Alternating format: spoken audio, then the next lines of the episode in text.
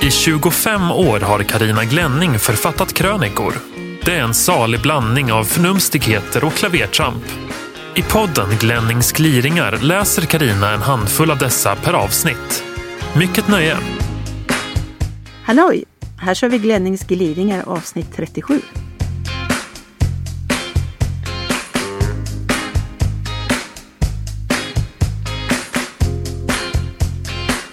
Morsans bak och andra kära ting. Det finns prylar och så finns det prylar. Designade märkesprylar som kostar skjortan och ger status. Slit och slängprylar som vi gillar en kort tid och sedan osentimentalt hivar iväg. Och så finns det prylarna som vi vägrar att skiljas från. Som följer oss till nya hem och städer under nya epoker genom nya förhållanden. Prylar som fått en särskild plats i våra hjärtan utan att vi nödvändigtvis kan förklara varför. En del är gamla och vackra, andra anskrämligt fula eller bara omgärdade av minnen som betyder något för just mig. Just på grund av sitt affektionsvärde är de omöjliga och onödiga att värdera. När jag bodde i Dalsland på 80-talet gick det ännu att besöka bondauktioner och göra otroliga fynd. Som den gigantiska fotogenlampan med nakna änglagossar som slingrar sig runt fotogenbehållaren och som blir kåkens naturliga mötesplats vid strömavbrott. Eller som den trearmade golvlampan som ger så urmysigt sken. Eller min gamla säng som en gång var en utdragssoffa, kostade 300 spänn och hade fyra lager färg över sig. Och nattduksborden från Eskilstuna soptipp från den tiden då man fick rota runt där som man ville och plocka med sig det man behagade. Eller väggtelefonen i trä från förra sekelskiftet som jag gömde saker i när jag växte upp. I helgen besökte jag en lägenhet som var full av gamla saker. Så mycket känsla, så mycket vackert och så mycket udda. Så mycket att titta på och sjunka in i, till skillnad från alla dessa opersonliga, minimalistiska trendhem där bara ett blodigt lik uppslängt på en köksbänk saknas för att fullända känslan av sterilt bårhus. Jag slår upp ordet nostalgi i Nationalencyklopedin. Det står Vemodig men njutningsfylld längtan hem eller tillbaka till något förlorat, särskilt om längtan till vissa miljöer. Jag har gått och haft för mig att nostalgi har något med ålder att göra, men så är det ju inte. Få är så traditionsbundna som barn. Samma luggslitna, lätt mögelanfrätta tomteskara ska fram år efter år och den där anskrämliga tomtefar som ska sitta och lysa i trapphörnet. Utan honom, ingen riktig jul. Häromdagen fyllde jag år. Du har väl bakat den vanliga tårtan mamma? undrade min yngsta oroligt. Det är snällt av honom att kalla det baka. Ja, ja, då försäkrar jag. Vissa saker ändrar man inte på. Det är en riktig latmanstårta vi snackar om. Färdigköpta bottnar, mosade bananer, osockrade hallon eller jordgubbar, grädde över hela kalaset och sen garnering i form av sega råttor och kinapuffar. Tio minuter, klart! Den är varken innovativ, svår, spännande eller vansinnigt god. Men den är som den alltid har varit. I en tid när allting går så rasande fort och är så föränderligt blir igenkännandets glädje ett slags trygghet. Allting förändras, men morsans gamla bak består. Konstigheter i mitt hem brödrostsladden. Är jag verkligen den enda människan i världen som har mer än tre decimeter mellan munnen och närmsta eluttag? Vid frukosten alltså. Varför har just brödrostar så korta sladdar? Man får ju ranta som en tätting. Är det för att rostat bröd med marmelad anses onyttigt och därför har Världshälsoorganisationen belagts med ett extra konsumtionshinder? Eller? Toapappershållaren. Hur svårt kan det vara att konstruera en mojäng som ska klara två ting? Att hålla fast en dassrulle och se till att det går att riva av önskad längd. På nedervåningen har jag en hållare med säkert 50 år på nacken som fungerar utmärkt. På övervåningen har jag en ny stålfärgad sak från ett väldigt stort möbelföretag. När man river av en bit papper flyger hela rullen ur, likt en katapultutskjuten pilot, ur hållaren och studsar ner någon meter längre bort. Jävliga dagar blir det i den nyligen använda duschen. Toalettborsten. När vi ändå är inne på ämnet, vita toalettborstar Alltså, jag må ha IQ som ett torskblock, men är det en fiffig idé? Visserligen vill man gärna att badrummet ger ett fräscht intryck, men att skrubba brunt bajs med en vit borste. Hallå? Listigt av tillverkarna dock. I en storfamilj är en vit toalettborste inte vit särskilt länge. Till min ofantliga, husmoderliga glädje har jag nu upptäckt toalettborstar med svart borst på marknaden. En sensation! Hallen. Det spelar ingen roll hur många fiffiga förvaringsboxar och infällda skohyllor man har. I hallen är det ändå alltid kaos. När inredningsprogram och tidningar stylar om hallar åker allt ut och fram träder en sval, avskalad, stendöd hall där det prydligt upphängt finns en jacka och står ett paraply lite nonchalant i något hörn. Men hela den aktiva barnfamiljen som ska bo här då? Åkte de också ner i containern? Kaffebryggaren, detta överkänsliga Pimpinetta släkte som inte tål minsta lilla kalksvett i vattnet. Det är ett frustande och puttrande utan dess like, spottande och fräsande. När kommer den självavkalkande bryggaren, undrar jag? Plastbytteskåpet. Alla dessa burkar utan lock. Alla dessa lock utan burkar. Jag ska arrangera ett gigantiskt plastbyttemöte på något östgötskt gärde så kanske alla deltagare kan åka hem med åtminstone några kompletta burksatser. Strumporna.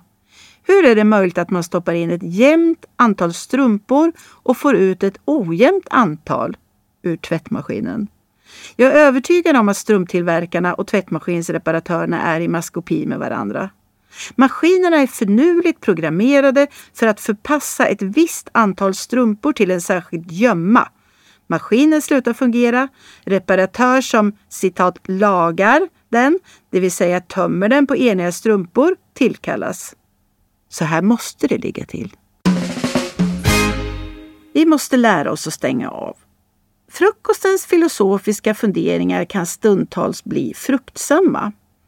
Är det sant, mamma, att barnen förr i tiden bara hade pinnar och kottar att leka med? Ja, stackars, stackars barn. Nej, säg inte det. Eftersom det inte fanns tv, datorer eller tidningar så visste de inte om något annat. De slapp jämföra och mäta sig med andra hela tiden. Det fanns såklart barn det var synd om av olika anledningar, men jag tror inte att just bristen på leksaker var det som gjorde dem olyckliga. Varför inte? Därför att prylar och lycka inte hänger samman. Förr i tiden fick barnen träna sin fantasi. Nu sätter vi korkade vuxna färdiga spel i händerna på våra barn istället. Det gör att barnen får svårare att hitta på egna fantasifulla lekar. Jag skulle bli lyckligare om jag hade mycket pengar för då skulle jag kunna köpa både en crosscykel, en gokart och en fyrhjuling. Ja, det kanske skulle ge dig någon kortvarig lyckokänsla men å andra sidan skulle du förlora något mycket viktigare. Dina drömmar. Äh. Jo, det vuxna och barn måste göra nu för tiden det är tvärtom att välja bort och stänga av saker. Vadå, datorn? Ja, kanske det. Men jag tänker mer på att stänga av intryck från tvn, tv-spel, datorspel, tidningar, reklam. Vi måste välja bort saker annars blir vi tokiga till slut. Vi får så många intryck från så många olika håll. Alla skriker åt oss, så här ska du se ut. Så här ska du leva för att bli en lyckligare människa. Handla av oss. Köp våra prylar så mår du bättre. Bla, bla, bla. Många barn och vuxna är jättestressade och tror att de mår bättre ju fler saker de har och gör. Därför måste vi vuxna hjälpa er barn att välja bort aktiviteter, stänga av saker och få er att fundera över vad som gör er gott och vad som bara stressar er. Mår man till exempel mer dåligt än bra av att chatta på sajten Kamrat, då ska man sluta med det. Det finns ingen närvaroplikt där. Vad då stänger du av hemska nyheter mamma? Sånt jag inte mår bra av. Men dit hör inte nyheterna. De mår jag visserligen ofta dåligt av, men det är en vuxens plikt att följa med i vad som händer. Däremot har jag till exempel slutat titta på tv-serien Lost eftersom den bara får mig att må dåligt. Spelfilmer som bara handlar om ondska skippar jag också och så håller jag mig borta från stora köpcentrum och löpsedlar. Jag mår bättre av att läsa en bok eller gå i skogen. Men där vi bor finns ju inga affärer eller löpsedlar. Nej, just det. Det är det som är själva poängen. Jag har inget att göra. Utmärkt. Gå och lägg dig i hängmattan mellan ekarna och lyssna på hur glada småfåglarna är över att våren är på väg. Och titta hur fint molnen seglar över himlen. Känn hur ditt hjärta slår långsammare. Känn hur skönt det är att bara leva.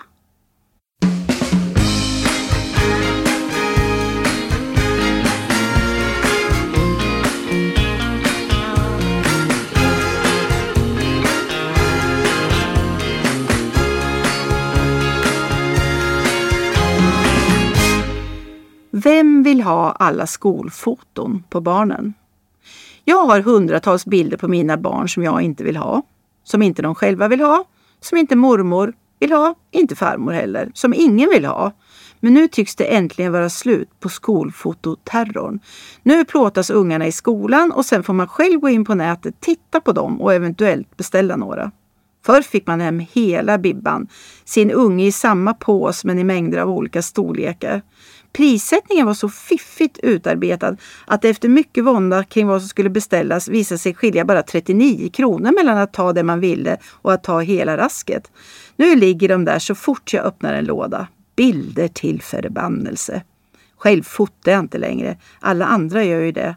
Mina unga lär inte sakna bilder på sig själva när de blir vuxna.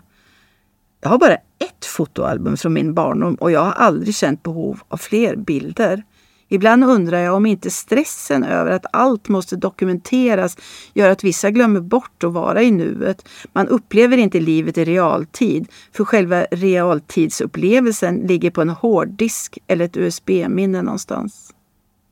Dagens ungar har på semestrarna rumsligen umgåtts med sina föräldrar men knappt aldrig sett dem utan en kamera framför ansiktet. Och tänk på de småbarn som har 87 439 bilder på sig själva att berika livet med när de blir stora. Och då pratar jag ändå bara om de två första levnadsåren. Nej, jag föredrar att ha minnena i skallen. Just nu har jag en gulnad bild av en öde palmbeströdd strand på Koh Samui på näthinnan. Året var 1985. Jag var 23 år. Den thailändska ön var en backpacker-folkets egen. Inga hotell, Inga flygplatser, knappt några turister. Vi åkte fruktfraktbåt dit och vår bungalow några meter från havskanten kostade en femma per dygn. Hela livet låg framför mig. Nu ska jag och barnen luffa med ryggsäck i Thailand precis som jag gjorde då. Men till Koh Samui återvände jag inte. Numera skriker de billigare än Ullared efter den på den ön, berättade en kollega. Hotellen står nästan på varandra. Den hårddiskkraschen vill jag inte utsätta min ömt bevarade 25-åriga minnesbild för. Till mina kommande barnbarn. Mina kära barnbarn. Om jag räknar rätt är året 2058 eller däromkring. Ni är mitt i livet, har kanske fått egna barn och det är den vevan man börjar fundera över vidare saker än vad som ska stå på middagsbordet och vart nästa semesterresa ska gå. Det är då tankar som vilka värderingar vill jag försöka överföra på mina barn? Hur tränas äkta empati? Hur förbereder jag dem för det tuffa livet utan att oroa och skada i onödan? Det är då de här frågorna väcks. Jag ska inte bli långrandig. Om stressen i samhället har ökat i samma takt som den gjorde under min livstid har ni ont om tid. Men min innerliga förhoppning är att ni är så mycket klokare. Att ni står på den förra generationens axlar och därför ser så mycket vidare och längre. Det är åtminstone en vacker tanke. På 1980-talet, tänk er förra årtusendet, läste jag Framtidsvisionsboken 1984. Den var läskig och överträffades bara av verkligheten själv några decennier senare. Eftersom jag är död sedan länge när du läser det här vill jag ge er älskade barnbarn ett slags tidsdokument. Och jag gör det i elektronisk form, för några pappersbrev är det ingen som skriver, skickar eller besvarar längre. Men om jag har tur fungerar korrens elektroniska arkiv fortfarande. Om papperstidningen finns kvar är mera osäkert. Undrar hur ni får era nyheter? Direkt i den egna handflatan kanske? Den äldre generationen har i alla tider förfärat sig över den yngre, det hör liksom till. Men tyvärr kan jag inte trösta er med att jag är lastgammal. 45 år bara.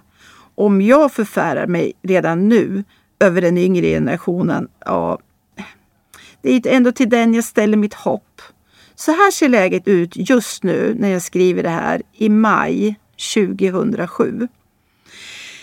Efter att miljöforskare har skrikit för döva öron i decennier har det gått upp för alla att vi håller på att förgöra vår planet. Trots det är det fortfarande status att flyga till Thailand två gånger per år och att köra bensinslukande fyrhjulsdriven jeep fast man bor i stan. Alla oroas över miljöförstöringen men därifrån till att ge avkall på den egna bekvämligheten? Nej, allt fler lever sina liv i cyberspace för att det riktiga livet är för kravfyllt, eller? För att det är så mycket lättare att umgås med fasader än komplexa människor av kött och blod? Eller? Jag vet inte. Den psykiska ohälsan ökar i samma takt som vårt välstånd. Människor skär sig, går in i väggen, umgås med självmordsplaner, svälter ihjäl sig, äter ihjäl sig, super ihjäl sig, knarkar ihjäl sig, äter psykofarmaka och lyckopiller och lugnande. Psykavdelningarna är proppfulla. Men varför? Stress, för lite tid till det man vill, för mycket tid att grubbla, allmän ångest över, ja, vad? Det pratas det inte så mycket om, men åh vad jag önskar att ni gör det nu, barnbarn. Åh vad jag önskar att ni är så mycket klokare än vi och att ni lyckas vända den här skutan och lever på ett sätt som inte förgör vare sig oss själva eller vår sköna planet. Hoppas, hoppas, hoppas.